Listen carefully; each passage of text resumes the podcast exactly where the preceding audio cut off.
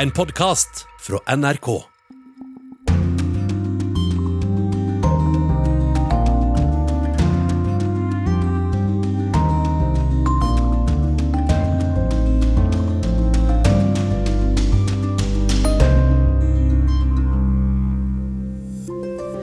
Nytt klimautkast er klart. Forhandlerne har akkurat satt seg for å forhandle om det siste tekstforslaget.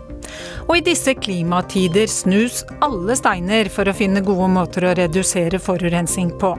Noen leter i fjøset, og hvorfor de gjør det, skal vi snart få høre. Mens flere og flere migranter kommer til grensen mot Polen, begynner flyselskapene å nekte passasjerer å reise til Hviterussland. Fremdeles er opptil 4000 mennesker fanget mellom soldater fra de to landene. Og det er alltid vanskeligere å iverksette en avtale enn å inngå den, sier Norges FN-ambassadør Mona Juel.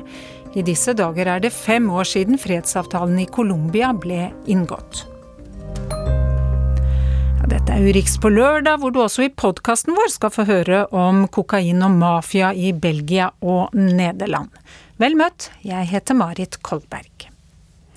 Men vi begynner i Glasgow, der altså klimaforhandlingene fortsetter på overtid. De skulle vært ferdig i går, men nå diskuterer de et nytt forslag. Og reporter Eivind Molde, du er direkte med oss eh, fra Glasgow. Hvordan er det der nå?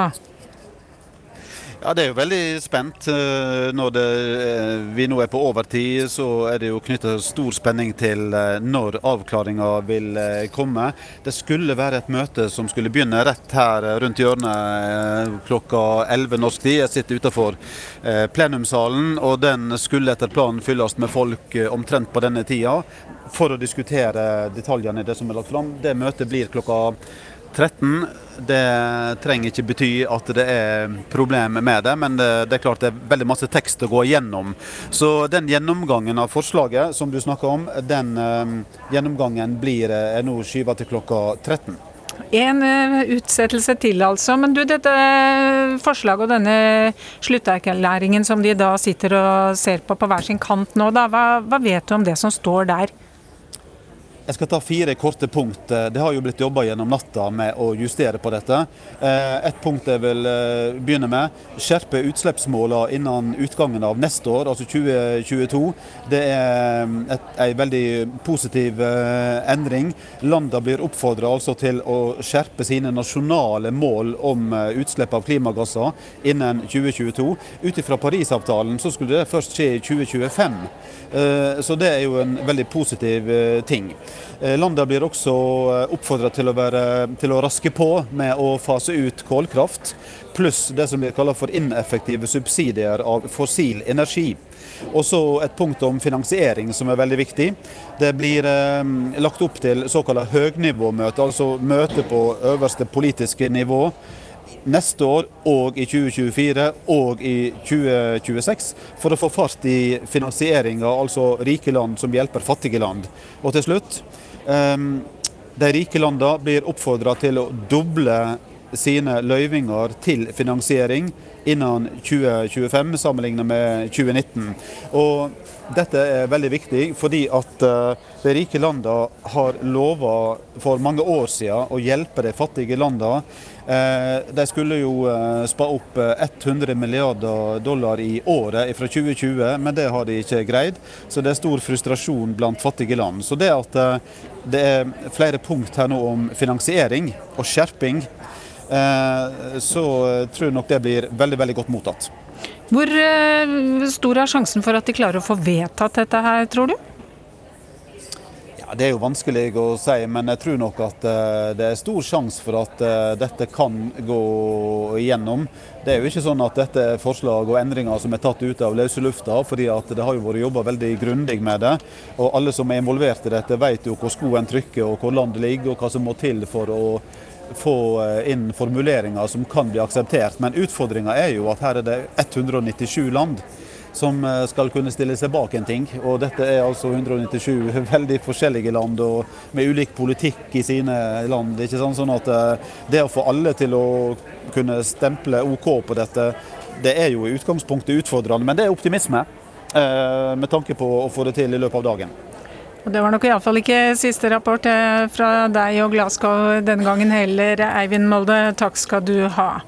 Og Steffen Kalbekken, forskningsleder ved Cicero senter for klimaforskning, han har også fulgt dette toppmøtet tett, og han sier at det allerede er gjort mange viktige vedtak. Det viktigste jeg ble enig om, det gjelder det nasjonale bidragene til Parisavtalen. Mm. I løpet av dette året, og også i 2020, så var det mange land som har meldt inn nye bidrag. Og vi ser at de bidrar til å begrense oppvarminga. Så det er det klart viktigste. viktigste.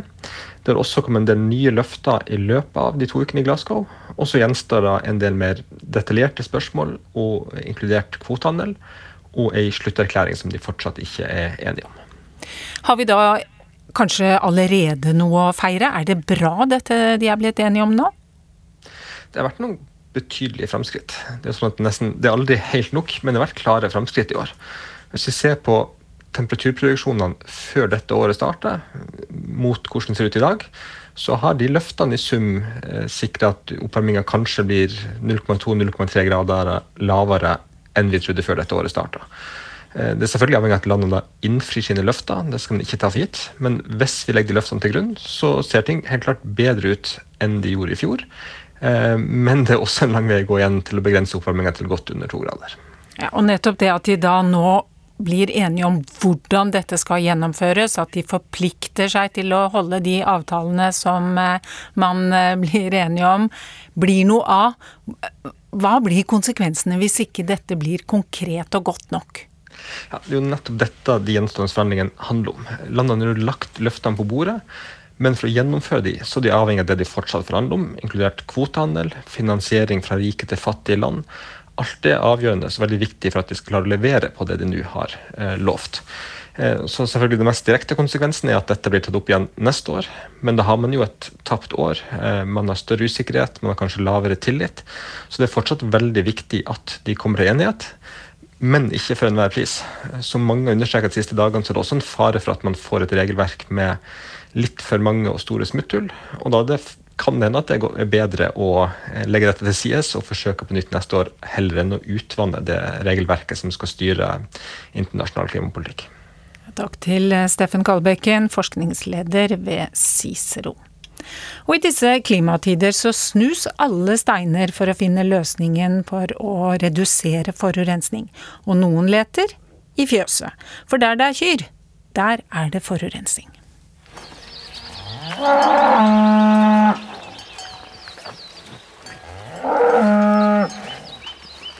Får du nå et bilde i hodet ditt av lykkelig kyr i en blomstereng det med lykke kan godt stemme, men så idyllisk er ikke bildet, mener internasjonale forskere og de som er opptatt av klima. For kyrne spiser gress og drikker mye vann, omtrent 100 liter i døgnet, og da må de naturligvis lette på trykket, for å si det på en pen måte. Hva i alle dager har dette temaet med utenriks å gjøre, lurer du kanskje nå. Vel, utfordringen med alt det kua slipper ut, er i høyeste grad en internasjonal klimautfordring for avføringen og urinen fra kyrne forurenser jord og grunnvann. Ammoniakk brytes ned til lystgass, som er en kraftig drivhusgass. På verdensbasis kommer 10% av all klimautslipp fra menneskelig aktivitet på grunn av storfedrift. Og for å komme forurensningsproblemet til livs, har en internasjonal forskergruppe i Tyskland nå utført vellykkede forsøk med å pottetrene kalver, og det har foregått på følgende vis.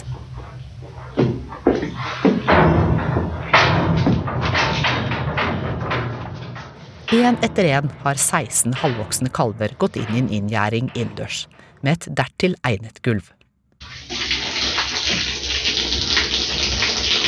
Straks de har tisset, åpnes en luke med litt godt å spise.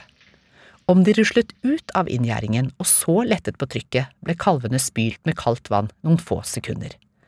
Og utrolig nok, etter bare noen få uker hadde elleve av de 16 kalvene forstått at det lønte seg å bruke kupotta eller toalettområdet. Det er mye raskere enn menneskebarn slutter å tisse i buksa, uten at kumetoden på noe som helst vis skal anbefales mennesker. Dette viser at kyr er smarte dyr, og nå må vi fortsette å jobbe slik at de forstår at de kan gjøre mer enn å tisse på kudoen, sier en tysk dyrepsykolog til internasjonale medier. For om alle verdens kyr bruker egnede kutoaletter, kan dritten rett og slett håndteres mer forsvarlig og på mer miljøvennlig vis. Ku for klima verden over. Ja, sånn kan det også gjøres. Reporter her var Anja Strønen.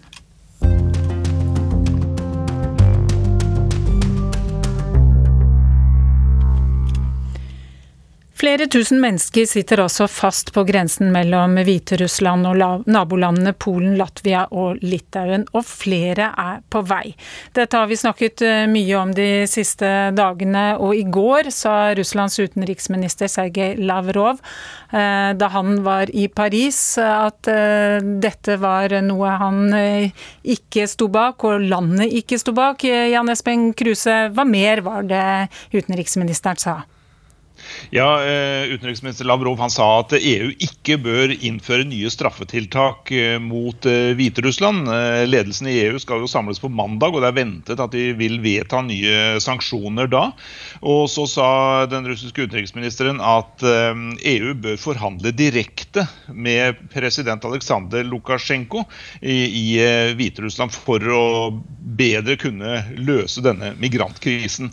Men det er nok EU litt motvillig til, for de ser jo ikke på Lukasjenko som en legitimt valgt eh, president. Dessuten så sier eh, president Vladimir Putin i dag at Russland ikke har noe som helst å gjøre med denne migrantkrisen. Eh, likevel så gjennomførte altså Russland og Hviterussland felles militærøvelse i nærheten av grensa til Polen i går. Sånn at det, det er vel litt vanskelig for Russland å, å, bli trodd på at det ikke har noen ting med det som skjer i Hviterussland å gjøre. Russland sitter jo på nøkkelen, men det ser ikke ut som de russiske lederne er så veldig interessert i å eh, legge fram en konkret løsning. Ja, men også I studio her nå har vi også statssekretær i UD, Eivind Wad Petterson. Hvordan ser UD på den eh, rollen Russland eh, har eller ikke har i denne konflikten? Ja, Det var i og for seg kjente toner som kom fra utenriksminister Lavrov. Eh, Norges holdning er at ansvaret her ligger helt og fullt på Hviterussland og hviterussiske myndigheter. Eh, Russland har så absolutt potensiell innflytelse over hva Hviterussland gjør. Det er nære allierte. Men det er hviterussiske myndigheter som er hovedansvaret for det som nå skjer i grenseområdene. Hvordan går det politiske arbeidet for å få finne en slags løsning på denne krisen? I går så kom jo saken opp i FNs sikkerhetsråd, hvor Norge er medlem. og Vi sto sammen med de andre europeiske landene i Sikkerhetsrådet og USA og så tydelig fra om at det er Hviterussland som er ansvarlig, og som Eh, i et kynisk spill prøver å bruke migranter som et eh, utenrikspolitisk pressmiddel eh, overfor EU. Det er uakseptabelt. Så pågår det jo også selvfølgelig eh, diskusjoner internt i EU. EUs utenriksministre møtes på mandag. Det er ventet at de utvider pakken av straffetiltak mot Hviterussland til også å omfatte denne, eh, denne, bruken av migranter i et, et spill, og for å eh, ta det problemet direkte. Det, Norge har hittil sluttet seg til disse straffetiltakene. Eh, vi må selvfølgelig se på detaljene, men det er godt mulig at vi også vil gjøre det denne gangen. Eh, Jan Espen Kruse, nå er det jo noen land nå som stanser passasjerer som vil reise til eh, Hviterussland, mens andre tilbyr å hente sine borgere tilbake. Fortell oss litt mer om det som foregår på, på det planet. Ja, I går så vedtok tyrkiske myndigheter at de ikke skal selge flybilletter til eh, passasjerer fra en rekke av disse landene i eh, Midtøsten, de som utgjør eh, en stor del av migrantene i, i Hviterussland nå. Og, og, Det statlige hviterussiske flyselskapet Belavia sier at de heller ikke skal frakte migranter fra Tyrkia til Hviterussland. sånn at EUs trusler om å innføre straffetiltak mot eh, flyselskaper som har vært involvert i denne transporten, ser allerede ut til eh, å, å, å virke. Dessuten så sier Irak, myndighetene der, at de arbeider med å sette opp lister over migranter som vil tilbake til hjemlandet fra eh, Hviterussland. At de, de er interessert i å organisere transport. Og Dessuten så stenger irakerne hviterussiske konsulater som eh, tidligere har gitt eh, rundhåndet visum til, til disse migrantene. Men, men, fortsatt er det jo da anslagsvis 4000 eh, eh, migranter i, i Hviterussland. sånn at denne, denne, krisen er jo ikke løst, selv om det ser ut til å være noen positive skritt i retning av at eh, det begrenses. Og Eivind Watt Petersson, vi snakker jo, snakker jo, da litt om hva andre land kan gjøre. og Så ser vi også da at f.eks. Polen har håndtert denne krisen noe annerledes enn eh, de andre nabolandene har gjort. Hva tenker eh, du om Polens rolle og håndtering av det som har skjedd der? Det, det er viktig for oss å uttrykke vår solidaritet og støtte til Polen i det de står oppe i nå, det de utsettes for fra, fra Lukasjenko og det hviterussiske regimet. Men det er jo verdt å merke seg at denne Eh, dette er på sett og vis andre fase, etter at det var en tidligere fase. Det var særlig Litauens grense mot Hviterussland som ble utsatt. Eh, Litauen eh, håndterte det på en litt eh, annen måte. Eh, Norge bidro da med konkret hjelp, og de ønsket å dra med seg hele resten av EU.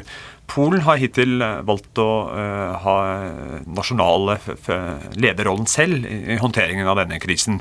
Og har så langt i veldig begrenset grad bedt resten av EU om, om hjelp. Det er i og for seg et valg, men EUs felles grensebyrå, Frontex, ligger jo faktisk i Polen. så det er og resten av EU og i og for seg Norge er villige til å stille opp med, for å bidra til å håndtere den situasjonen som har oppstått.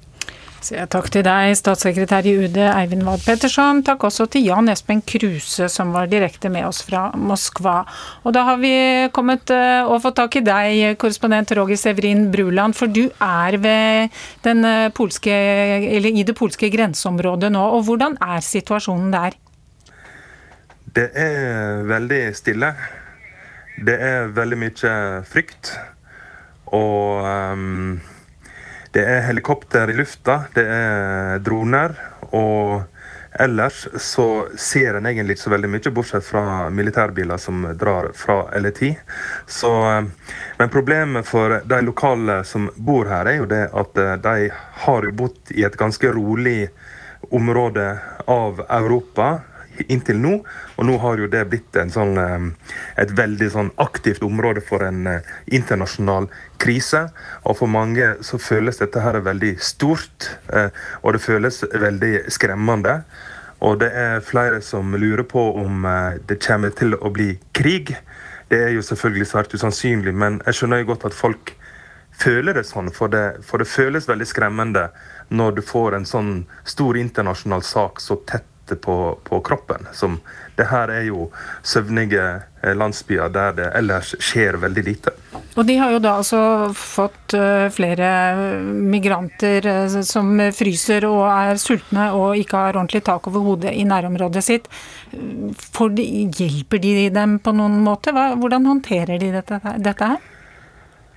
Eh, det er en veldig splittelse at eh, naboer blir uvenner med hverandre, slektninger blir uvenner med hverandre, og folk blir tvinga til å ta et standpunkt. Eh, det, vi har jo det her På kveldstida, så er det noen som setter et grønt lys fram i vinduet for å symbolisere mer enn kanskje hjelpe at vi, vi, kan, vi er villige til å hjelpe, mens andre mener at det er feil å hjelpe. Og jeg har til og med hørt uh, om uh, folk som har hatt slektninger som, som, har tysta på, på, folk som har hjulpet, og tysta til politiet fordi de, de, mener det er feil og det her er en, en sikkerhetstrussel og ikke en, en humanitær uh, krise. Men det er jo selvfølgelig begge deler. Men jeg kan jo forstå at for vanlige folk som bor i en landsby på grensa, så er det vanskelig å, å skille. Jeg sier takk for eh, den rapporten direkte fra grenseområdet mellom Polen og Hviterussland, Roger Severin Bruland. Det er nå fem år siden Colombias største gerilja la ned våpnene. Fem år uten krig, men freden er ennå ikke vunnet. FN er utålmodig og vil gjerne se raskere resultater, men det går treigt med gjennomføringen av den norskstøttede fredsavtalen. Og med dagens tempo så kan det komme til å ta minst ti år ekstra før alle punktene er innfridd. En kø som slanger seg bortover fortauet utenfor en skole i fjellbyen Bogotá. Foreldre har tatt med barna for å få beskyttelse mot koronaviruset. Colombia setter et stikk i tre år gamle armer og oppover. En kinesisk variant av vaksinen til de yngste. Ungdom for en amerikansk vaksine. Foreldre puster lettet ut, selv om ikke halvparten engang er fullvaksinert i det søramerikanske landet para poder, uno poder estar más seguro en la calle. Nå kan han føle seg tryggere når han er ute i gatene, sier Alexander Rivero til Reuters. Sønnen Honas sier selv at han er takknemlig fordi han har ventet lenge i et hardt rammet Colombia, som nylig kom ut av tredje bølge med dødelig smitte. Pandemien har satt Colombia på prøve. Fra før har millioner av mennesker fra nabolandet Venezuela tatt seg inn i Colombia og videre sørover på jakt etter et bedre liv. Det har vært nok av utfordringer for myndighetene, som også er ansvarlige for å gjennomføre en fredsavtale og løfte tidligere konfliktsoner ut av fattigdom. Men bander, kriminelle og narkosmuglere har fylt tomrommet der geriljaen før styrte. Menneskerettsaktivister og lokale ledere er blitt målskive. Redouble efforts, redouble resources in order to catch up with the, with the regional plan and, vi må gjøre mer, slår FNs spesialutsending til Colombia fast. NRK møter Carlos Ruiz Macier utenfor FNs hovedkvarter i New York. Are we uh, satisfied with the progress made? We, we cannot be satisfied when you have, for instance, security situation where ex-combatants are being killed. Men det gjøres også framskritt, og avtalen er bunnsolid, sier han. The path chosen by Colombians will continue uh, to be uh, the path supported by the international community, by the UN, and is the path to peace and reconciliation. Invitamos a firmar inicialmente el nuevo acuerdo de paz al señor Rodrigo Londante de las FARC. Det er nå fem år siden FARC-geriljaens leder og Colombias daværende president ble kalt opp for å signere en avtale som gjorde slutt på over 50 år med krig. Ahora invitamos a firmar el nuevo acuerdo de paz al señor presidente de la Colombia, doctor Juan Manuel Santos Calderón. Norge og Cuba var tilretteleggere for forhandlingene med den største og eldste geriljaen. Nå prøver de å få til noe lignende med den mindre geriljagruppa ELN. Men det er misnøye med hvordan fredsavtalen gjennomføres. Ja, det, Man er ikke overrasket, fordi eh, det er alltid vanskeligere å iverksette en avtale enn å bli enige om en avtale. Men det som er veldig viktig nå ved femårsmarkeringen av, eh, av eh, denne avtalen, er jo at faktisk veldig mye har skjedd på den positive siden. Dette er Norges FN-ambassadør Mona Juel. Hun kommenterer rapporten fra Riksrevisjonen i Colombia som antyder at det kommer til å ta 26 år å gjennomføre fredsavtalen, ikke 15 år som partene ble enige om. Det har skjedd mye på mange områder, også når det gjelder kvinnelig deltakelse i, i prosesser. De, de, har opprettet en sannhetskommisjon. Men samtidig er det også klart at det er mye som gjenstår. The 8,879th meeting of the Security Council is called to order. Colombia er en tredel på vei hvis fredsavtalens tidsramme på 15 år skal holdes. Med flere voldelige grupper og mangel på sikkerhet kan det ikke gå raskt nok for dem på landsbygda. FN innser at det er lett å miste motet og tillit. E, evidently, security is the issue that is uh, of more, more concern to us. It should be a priority issue for, for this government and for governments to come. Um, FNs spesialutsending til Colombia, Carlos Ruiz Macier, mener nøkkelen til framgang er sikkerhet. På landsbasis er det færre bortføringer og drap, men eh, ikke der geriljaen tidligere styrte. Myndighetene må inn, trygge områdene, bygge veier, skoler, gi helsetilbud, sosiale tjenester, skape tillit. It's key going forward that the, particularly the presence of the state, that the uh, state really increases its comprehensive presence in those areas. Det vi nå får høre, og Colombia vil få høre fra medlemslandene i Sikkerhetsrådet, er jo nettopp en veldig veldig klar oppfordring, og kanskje noe utålmodighet med at man nå må komme videre. Også Norges FN-ambassadør mener volden truer fredsavtalen. Spesielt hvis folk ikke merker framgang på andre områder. Keep on, keep on for, for FNs Colombia-utsending mener det likevel er grunn til å feire eller markere nå. Både at det er fem år siden avtalen ble signert, og at det er fem år med gjennomføring av det som står i den omfattende og ambisiøse fredsavtalen. Anders Tvegård, New York. Vi retter blikket mot Israel, som har ledet an i koronahåndteringen internasjonalt, og som har fungert som et slags laboratorium for andre land. Vi greide oss så bra fordi vi tok sjanser og gjorde avtaler med legemiddelfirmaene før vaksinene var ferdig. Det sier en av landets helsesjefer til NRK. We understood uh, in the middle of 2020 that there's no any for uh, corona, and the only I midten av 2020 forsto vi at det ikke fantes medisiner mot korona, og at den eneste kuren var sosial distansering og nedstengninger. Og det kunne ikke vi drive med veldig lenge. Så vi fant ut hvilke firma som lå an til å utvikle en effektiv vaksine først. Det forteller dr. Hezi Levi, som er direktør ved Barcelai-sykehuset i Ashkelon. Inntil nylig var han Israels Bjørn Gullvåg, en svært sentral figur i Israels koronahåndtering. Levi var generaldirektør i det israelske helsedepartementet. And we made some agreements with several companies vi gjorde avtaler med flere legemiddelprodusenter. Pfizer, Moderna og AstraZeneca. We started to import the Pfizer vaccinations to Israel and taking the chance. Vi begynte å importere Pfizer-vaksinen til Israel før godkjenningen. Vi tok sjansen på at det ville gå bra, forteller Levi. Vi treffer ham på direktørkontoret, der vi ser at han nettopp har hatt bursdag. Happy Birthday og Masal Tov står det med fargerike bokstaver på en stor tegning på veggen. Vi begynte å vaksinere med en gang rett etter vaksinegodkjenningen. Det var 19.12.2020. Men vi visste ikke hva effekten av vaksinasjonen ville bli da, forteller han. Etter hvert ble det kjent at Netanyahu la en solid pengebunke på bordet for å sikre Israel flere millioner vaksinedoser før alle andre. Denne avtalen ble gjort mot at Pfizer fikk studere medisinske data om dem som vaksinerte seg i Israel. Slik ble landet en prøvekanin og et laboratorium som resten av verden kunne følge med på. Men også i Israel finnes det mange som ikke ville følge reglene.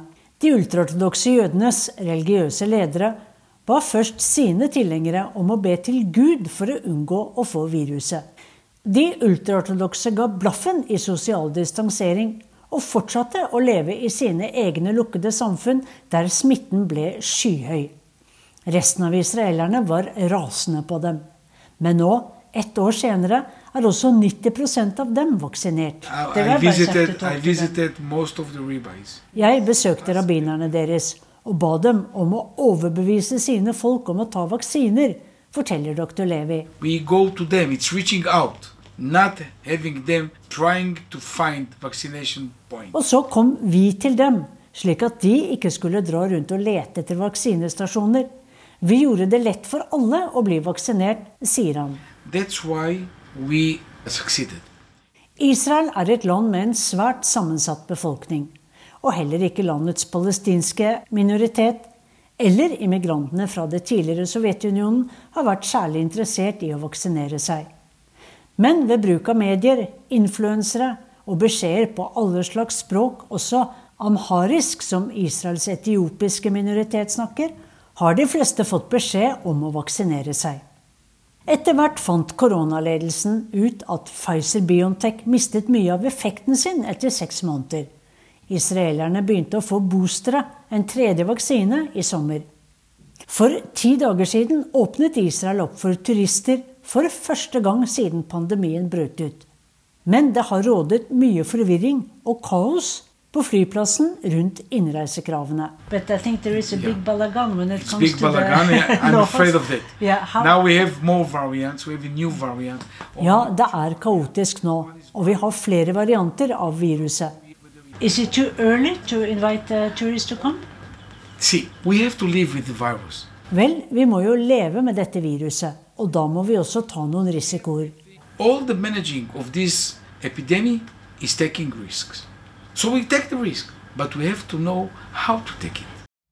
Ja, vi må vite hvordan risikoen skal tas, sa Israels tidligere helsesjef til Sissel Wold.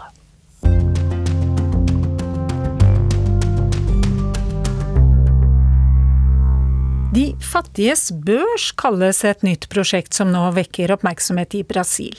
Ideen er å gi beboerne i de fattige områdene en mulighet til å realisere sine ideer og talenter, og bak prosjektet står lederne for de største favelaene i landet.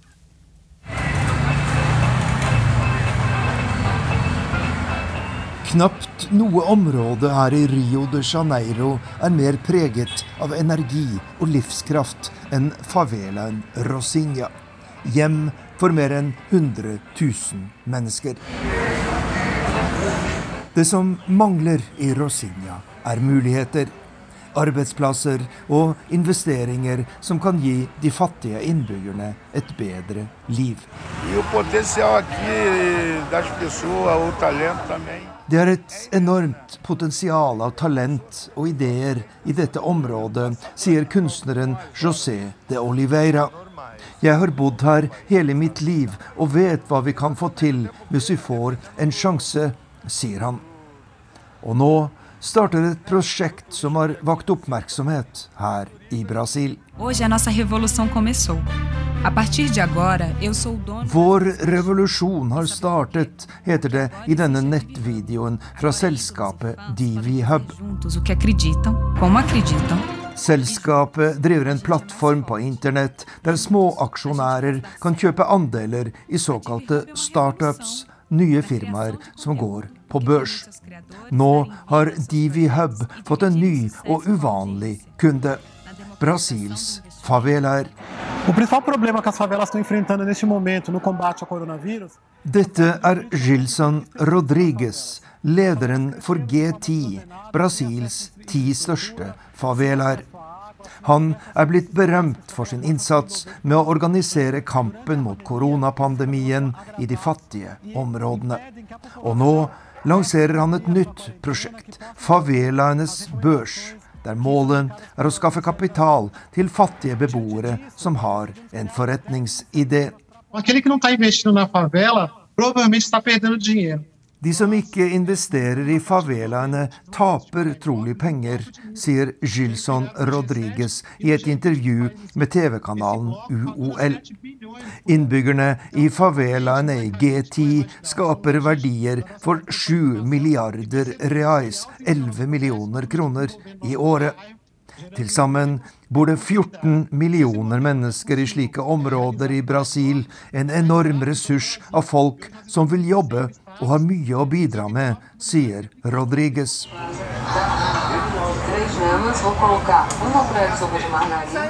Rosinha er en av favelaene i G10. Og for José de Oliveira er favelaenes børs en utmerket idé. Com certeza, com certeza a introdução det er absolutt en god nyhet. Det er jo tusener av mennesker som støtter favelaen gjennom hjelpeorganisasjoner, særlig nå under pandemien. Mange av dem vil sikkert også bruke noe av pengene sine på å investere i prosjekter som kan bedre folks liv på lengre sikt, sier han. Og Oliveira har selv et prosjekt som han ønsker å satse på. Turisme i Rosinha. Luxo Dagens turister vil ikke bare være på stranda, shoppe og gå på restaurant. De vil også lære noe om landet de besøker, og et besøk i favela er viktig for å forstå Brasil. Jeg har selv guidet mange her i Rosinha, og mitt prosjekt er å bygge opp et turistselskap i favelaen. Kanskje vil noen investere i et slikt prosjekt, undrer José de Oliveira. Det er nye tider og nye tanker i Brasils fattigkvartaler. Kanskje kan favelaenes børs gjøre en forskjell. Det var reportasje fra vår mann i Rio de Janeiro, Arnt Stefansen.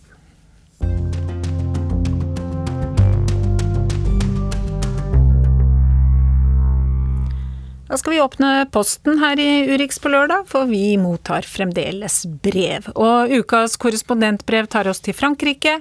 Det er Simen Ekern som har sendt det. Hun var en time forsinket, hadde vi fått vite. Marine Le Pens norskættede og norsktalende internasjonale rådgiver holdt journalister og fotografer informert. Det burde ikke ta så lang tid før pressekonferansen kunne starte nå. Det var en av de siste dagene i oktober, og Le Pen var i Brussel for å møte meningsfeller fra Polen og for å uttrykke støtte til EU-kritiske synspunkter i alle land. I tillegg var dronningen av Frankrikes ytre høyre fløy her for å vise at hun ikke har tenkt å gi fra seg tronen uten kamp. For Marine Le Pen har fått en ny utfordrer i forkant av presidentvalget som skal avholdes i Frankrike til våren. Polemikeren, forfatteren og spaltisten Eric Zemmour har hatt suksess med kompromissløse dommedagsanalyser av hvor dårlig stilt Frankrike er. Fiendene muslimer, feminister, homoaktivister, samtidskunstnere og 68-ere, blant mange andre. Han har gjennom flere år etablert seg som en premissleverandør for diskusjon og debatt på den franske høyresiden. Og da de første plakatene med slagordet 'Zemmour président' dukket opp på franske husvegger i sommer, hadde folk allerede snakket om det en god stund. Zemmour vurderer et jobbskifte. Hvorfor ikke like gjerne bli sjef i Frankrike? Siden meningsmålingsinstituttene begynte å ta med Zemmour i spørrerundene, har oppslutningskurven blitt så bratt at det minner om trappene opp til Sacré-Cœur-basilikan i Paris. Her, høyt oppe på meningsmålingene, vil Erik Zemmour forsvare den jødisk-kristne sivilisasjonen, forklarer han. Det trengs, mener han, fordi Frankrike allerede er i krig. Zemmour mener det pågår en planlagt utradering av den franske befolkningen til fordel for muslimske innvandrere. Le grand remplacement, den store utskiftingen, er en teori om et komplott som har figurert ytterst på høyre fløy i Europa i flere år. Marine Le Pen har avfeid det som en konspirasjonsteori man gjør klokt i å holde seg vekk fra. Det er nettopp sånne teorier og påstander hun har villet fjerne seg fra, for å forandre partiet hun arvet fra sin far. Jean-Marie Le Pen dyrket sjokkerende påstander om jødeutryddelsene eller bemerkninger om voldtektsivrige innvandrere. Gamle Le Pen mente det bare var slik partiet kunne unngå å bli kjedelig og irrelevant. Det eneste man i virkeligheten unngår med å snakke slik, er å bli president i Frankrike, mente datteren. Hun ekskluderte sin far i et uforsonlig politisk og familiært drama.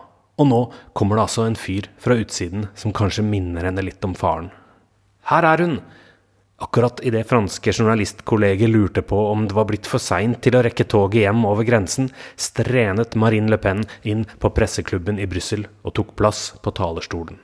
Le Pen har vært litt på defensiven i hele høst, bortgjemt blant Erik Zemmours kontinuerlige medieopptredener. Hun har forsøkt å avfeie ham, men nå, når meningsmålingene viser at han allerede har passert henne, er hun like sikker? Jeg spør, og får en slags krigserklæring til svar. Erik Zemor har ingen mulighet til å komme videre til valgets andre runde. Det sier jeg både av overbevisning og ut fra erfaring, sier hun. Det er to hovedgrunner til at Le Pen ser det slik. Den ene handler om Zemors provokasjoner, som hun kaller det, når han vil forby folk å gi barna sine navn som ikke er tradisjonelt franske, f.eks. Den andre handler om den sosiale profilen man skal velge seg ytterst på høyresiden. Mye av Le Pens suksess har handlet om å hente velgere i avindustrialiserte områder i Nord-Frankrike f.eks. Zemmour derimot mener Marine Le Pens økonomiske politikk er for håpløs sosialisme å regne. De som stemmer på henne, er en getto av arbeidere og arbeidsløse, har han sagt. Han avskyr en stor del av Frankrikes innbyggere, svarer Le Pen denne Brussel-kvelden.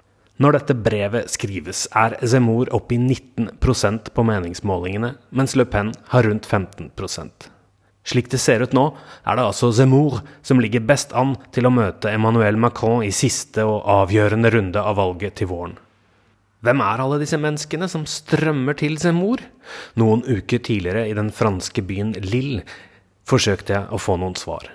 Det regner så skoene surkler, det blåser så paraplyene knekker. Det er en temmelig miserabel formiddag i Lill, men det er god stemning blant menneskene i køen. Mange av dem er unge. De kaller seg Generasjon Zemour. De har sett ham på TV, de kjøper T-skjortene med gøyale ordspill, de syns han er kul. De eldre er mer opptatt av at han har skrevet bøker. Helen, f.eks., en kvinne i 70-årene, nevner bøkene flere ganger som et slags automatisk bevis på klokskap. Hun virker både innbitt og begeistret allerede før møtet har startet. Det er bare ham vi kan få hjelp fra, for de andre politikerne er alle sammen for bleke, for lunkne, sier hun.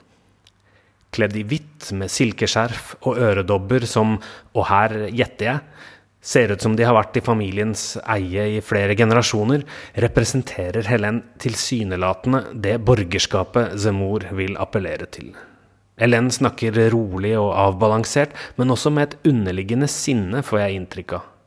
I Zemours siste bok skriver han om en vilje til radikalitet hos franske velgere. Man vinner ikke lenger velgerne i sentrum, hevder han. Der er det blekt og lunkent, som Hélène sier. Fra scenen gir Zemor henne det hun har kommet for. Han snakker om sivilisasjonskrig, om en islamsk invasjon, om et land i forfall. Når det er tid til spørsmål, forstår vi at forfallet gjelder kulturen også. Hva med rettskrivningen? En eldre kvinne langt bak i salen virker svært bekymret. De unge kan ikke lenger stave! Zemor er enig. Riktignok har flere anmeldere påpekt at hans siste bok begynner med en feilplassert aksent i første setning. Jeg har syndet, mente Zemor å skrive. Jeg har fisket, står det. Litt flaut, så klart, men velgerne han har fått på kroken, bryr seg nok ikke. I boken forteller Zemmour at han aldri som barn drømte om å bli president i Frankrike. Nå er det annerledes. Om drømmen kan bli virkelighet, og om det eventuelt ville være et sant mareritt, skal franske velgere ta stilling til i månedene som kommer.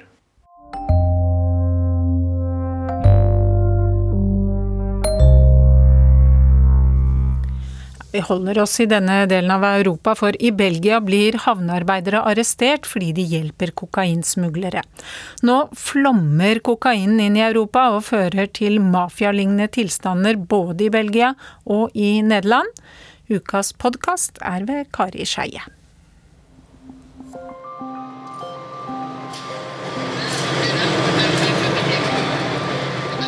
Det kryr av folk på havna i den belgiske byen Antwerpen. På kaiene tar havnearbeidere imot skip fra hele verden. Dette er et av de største mottakene for varer til Europa. Men i konteinerne er det også varer som ikke skulle vært der. På få år har Antwerpen blitt et senter for smugling av kokain inn til Europa. Og havnearbeiderne er blitt viktige brikker for de kriminelle.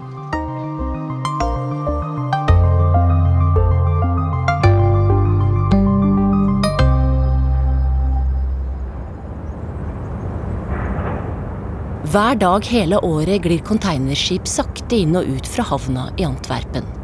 Heisekranene strekker seg mot himmelen, og på terminalene står store berg av konteinere. Blant disse gjorde politiet i fjor rekordstore beslag av kokain. Havna er også arbeidsplassen til 150 000 mennesker, og mange av dem blir overvåka av noen som følger med på hva de gjør, og hvordan de lever. Folk som de ser på sosiale medier, eh, at de har problemer, kanskje de har skilt seg, trenger litt ekstra penger til barnebidrag. Hva som helst, da. Hvem som helst som er tilbøyelig til å uh, trenge uh, mer penger, eller som bare vil ha skikkelig mye penger for å kjøpe seg en, en, ny bil. Og den rekrutteringa, den foregår i stor grad på sosiale medier, eller at man får en anonym SMS med et enkelt spørsmål, bare. Kunne du tenke deg å, å prate med oss om, om en, en, enkel eh, jobb? Eh, eller eh, på barer, sportsklubber, hva som helst, hvor som helst der man vet at, at folk som jobber på denne enorme havna, ferdes. Jeg heter Simen Ekern og er europakorrespondent for NRK eh, med base i Belgia.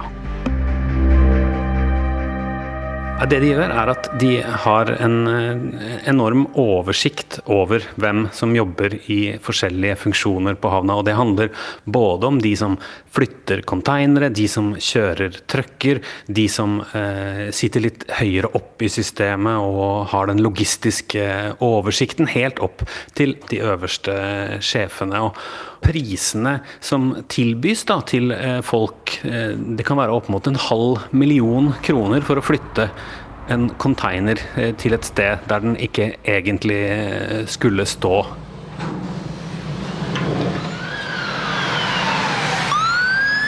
I mars i år gjennomførte politiet i Belgia sin største aksjon noensinne.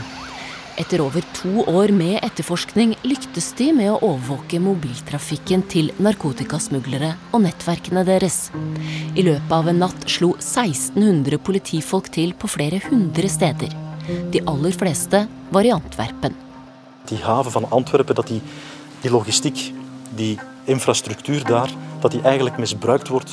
Dagen etter fortalte myndighetene at aksjonen hadde understreka nok en gang hvor sentral havna er blitt i narkotikatrafikken. Men hvem står bak? Vi må til nabolandet Nederland. Sånn som vi forstår det nå, eh, så er det i stadig økende grad eh, nederlandske eh, organiserte kriminelle. Og da handler det om en mafia som har blitt kalt for Mokro-mafiaen. Et stort samlebegrep som startet som et en betegnelse på kriminelle eh, i Nederland med marokkansk bakgrunn. Og de har vokst seg veldig sterke på ganske kort tid, fra å være mer sånn sett på som en slags sånn uh, ungdomsgjeng som uh, stjeler noen juveler og, og dealer litt marihuana en gang iblant, så, så har de vokst seg til å bli en av Europas eh, mektigste kokainmafiaorganisasjoner. Så, eh, så, det er en ganske eh, dramatisk endring som har eh, funnet sted. Da. Men i tillegg så, så, er det grupper på Balkan. Eh, den italienske mafiaen har alltid vært eh, involvert i, i, i trafikken av kokain fra Sør-Amerika til Antwerpen og, og, og Rotterdam, og, og, er det fortsatt. Men dette er en business som ekspanderer, og som har blitt eh, viktigere. Så stor at det kanskje ikke engang eh, er noe problem for den italienske mafiaen at det monopolet som de en gang hadde eh, tilnærmet på denne typen trafikk, fins ikke lenger. Men eh, mengden kokain som de får til sitt bruk, holdt jeg på å si, den er like stor eller, eller større enn den var. Så, så det sier bare litt om hvor stor narkotrafikk vi egentlig snakker om her.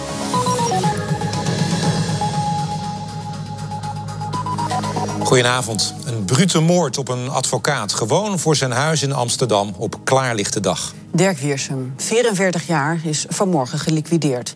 I 2019 ble en kjent nederlandsk advokat skutt utenfor hjemmet sitt i Amsterdam.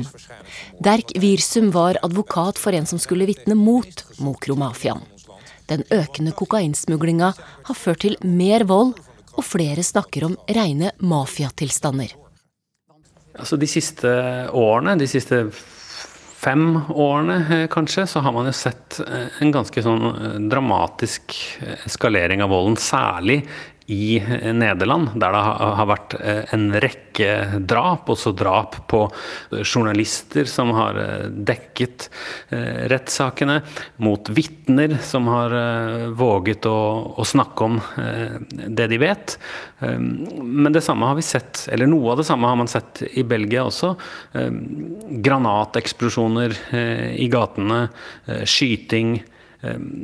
En type vold som vitner ifølge ekspertene, eh, om eh, en virksomhet der eh, ulike mafiagrupperinger kjemper om å bli øverst i næringskjeden.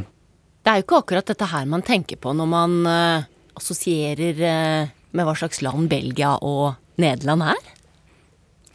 Nei, det er jo på ingen måte det. og en av Italias mest kjente journalister som har skrevet om eh, mafiaen, Roberto Saviano, som, som, er kjent for boken og, og filmene om eh, Camorraen i, i, Napoli, han hadde en artikkel for ikke så lenge siden i, i en av Nederlands største aviser, der han eh, nettopp angrep eh, Nederlands selvbilde og sa dere er ikke klar over det kanskje, men Nederland er eh, i ferd med å bli eh, Europas mest kriminelle land land. Eh, og dere aner ikke hva dere står opp imot, eh, skrev han, og dere er nødt til å skjønne det før det er for seint. Men kokainsmuglinga inn til Europa handler om mer enn bare hensynsløse kriminelle og havnearbeidere i Antwerpen. Forsyningene av kokain har også blitt større. Colombia er verdens største kokainprodusent. I flere tiår var landet herja av borgerkrig, men i 2016 slutta geriljagruppa FARC og regjeringa fred. Da mista geriljaen kontrollen med flere av områdene der kokabuskene vokser. Og det åpna markedet for andre. Ja, I en rapport fra Europol som kom ut tidligere i høst, så sto det ganske mye om uh, Colombia. Uh, og det man uh, beskriver, er en virkelighet der FARC-geriljaen gikk med på å, å legge ned våpnene og trekke seg ut av en del av områdene som de kontrollerte. At disse områdene ble inntatt av ulike kriminelle organisasjoner.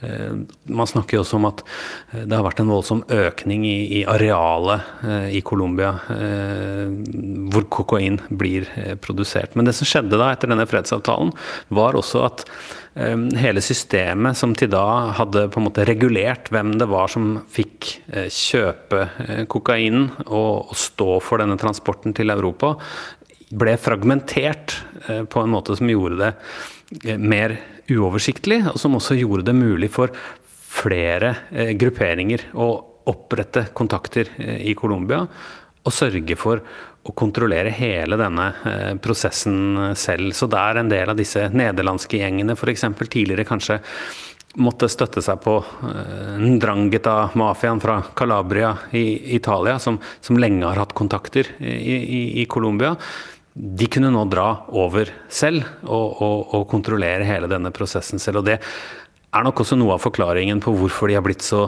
rike og, og så mektige. Så på en måte så beskriver jo Europol da en situasjon der en fredsavtale i Colombia eh, førte til en mafiakrig i Nederland og Belgia. Tar du fram et kart, er det lett å se hvorfor havna i Antwerpen er blitt Europas nest største. Ut fra den belgiske byen strekker motorveier og jernbaner seg til alle kanter. Veien ut til store markeder er kort. Havnearbeiderne i Antwerpen blir jevnlig minna på at arbeidsplassen deres er en del av den største smuglerruta for kokain inn i Europa.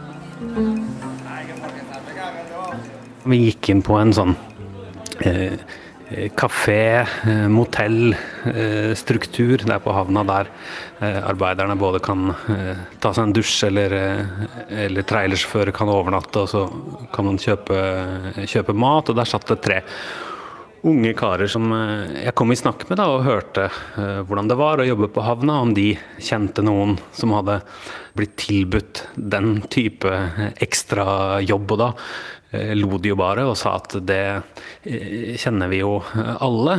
Han ene satt i en sånn oransje jakke som mange av de havnearbeiderne har, og sa at bare man går ut på gata i Antwerpen med denne jakka, så kommer det en fyr eh, som tilsynelatende er ute og lufter hunden sin og spør kunne du være interessert i å tjene litt ekstra men de var jo også bekymra. De sa vi har jo pleid å være stolte av å jobbe her eh, på havna, men nå er det litt sånn at hvis man jobber der, så ser folk litt på deg og nikker og ja, nettopp.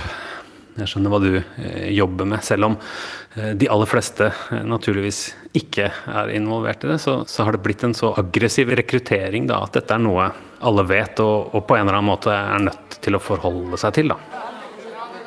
Og skal politiet lykkes med å bremse kokainsmuglinga er havnearbeiderne viktige.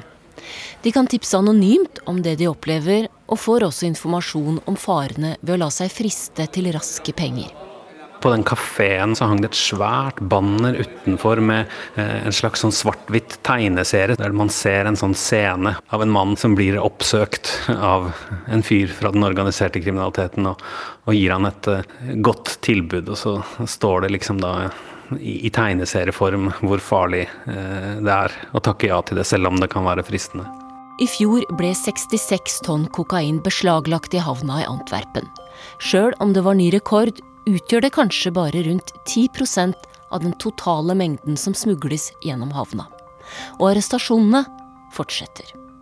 Bare i forrige uke så ble ti personer eh, som var eh, ansatt ved havna i Antwerpen, eh, arrestert. Og det har også vært et tilfelle av en, en høyrestående ansatt i politiet som ble arrestert. Så problemet her, og mistanken, har jo vært at på enkelte av disse terminalene så har dette problemet blitt så alvorlig at det nærmest er strukturelt. At man ser at mafiaorganisasjonene har eh, infiltrert eh, så mye av eh, systemet at det er fryktelig vanskelig å, å få has på det. Da. Du har hørt podkasten Krig og fred, laga av meg, Kari Skeie. Lydregien var ved Lisbeth Sellereite. Redaktør er Sigurd Falkenberg Mikkelsen.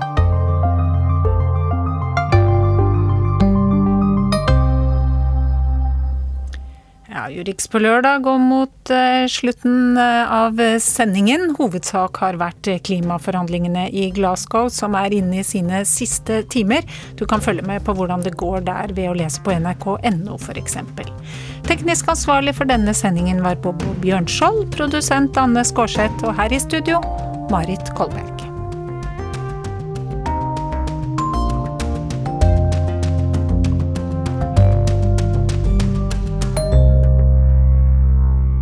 Du har hørt en podkast fra NRK.